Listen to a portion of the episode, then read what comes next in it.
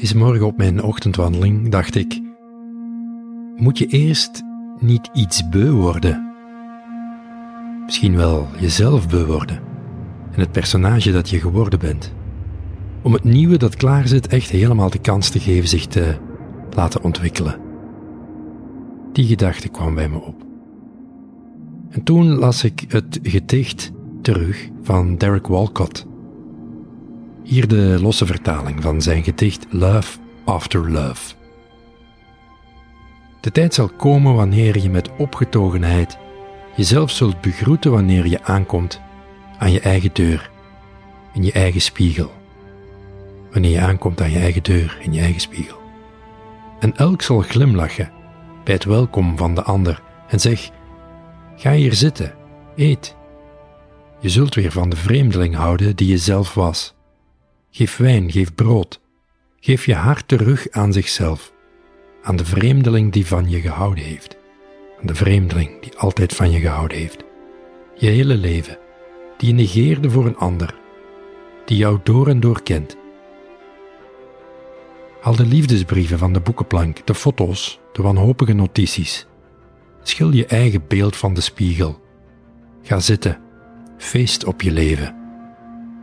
Schil je eigen beeld van de spiegel. Ga zitten. Feest op je leven. Poëzie en zo'n gedicht brengt mij naar verbeelding.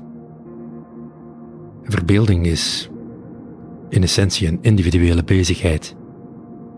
Dat doe je in je hoofd. Dat doe ik in mijn hoofd. Natuurlijk gebruik ik hiervoor al mijn zintuigen om de persoon te verbeelden die je diep van binnen bent, waar je misschien vandaag minder goed aan kan. Hoe kan je die verbeelden? Bespreekbaar maken, aanvaardbaar maken. Via woorden natuurlijk. Dat is de weg die we allemaal belopen. Via woorden wisselen we ervaringen uit met elkaar, maar hoe doe je dit op een grotere schaal? Hoe neem je meer mensen mee in die andere wereld, in die persoon die je voor jezelf verbeeldt? Dit is, zegt Merlijn Twaalfhoven, het werkveld van kunstenaars. Ze maken iets dat onrealistisch is, ervaarbaar, zodat we kunnen proeven aan het niet-normale. Hmm, dat zette me aan het denken. De vraag die in mijn hoofd speelde was deze. Als dat kunstenaars doen, het niet-normale aanvaardbaar maken. Wat doen storytellers, verhalenvertellers dan? Ik luister momenteel naar een audioboek. Het boek Courting the Wild Twin. Courting the Wild Twin. Prachtig ingelezen door de Ierse auteur zelf, Martin Shaw. So once upon a time there was a great kingdom. And in the centre of the kingdom there was a king and there was a queen. And the good news about these people is they were sweet and generous and kind. But at night, when they went to bed, there was a grief that hung between the two of them. And it was just very simple. The queen could not conceive a child. Martin Shaw vertelt niet alleen de verhalen en neemt je als luisteraar ook mee naar de symboliek achter de verhalen. You need to speak your desire. You need to speak your longing into a little cup. Just like that. Verhalen als instrument van betekenisgeving. Als wijze gidsen die je meenemen naar een diepere plek binnenin. Naar een dieper weten. Een plek waar universele waarheden leven.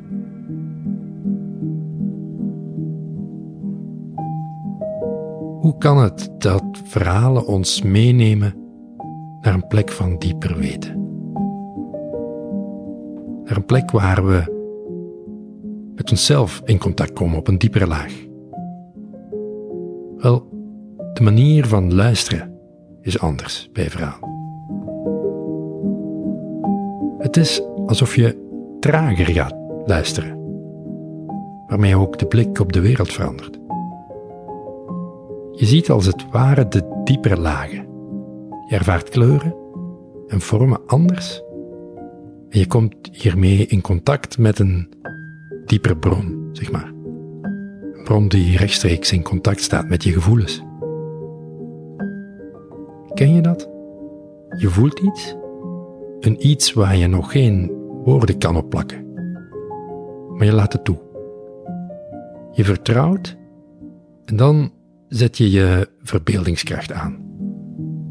Wat zou er gebeuren als? Denk je dan? Stel je dat eens voor. Dan ga je eigenlijk al creëren. Eerst nog in je hoofd. Maar de volgende fase is dat je je iets gaat bouwen en kneden. Zoveel mensen dromen wel van iets, maar denken vaak dat het te groot is of niet realistisch. Terwijl als je begint met het te uiten en te proberen, het spel en de ruimte om te falen en te twijfelen is allemaal nodig, wel dan boor je een idealisme aan dat heel praktisch kan worden. Ik droom stiekem van een wereld waar de groep van positieve verbeelders groot genoeg is, zodat misschien ook het systeem kan omslaan. Het begint bij de eerste stap te zetten. Voor mij door te gaan wandelen bijvoorbeeld, zoals deze ochtend.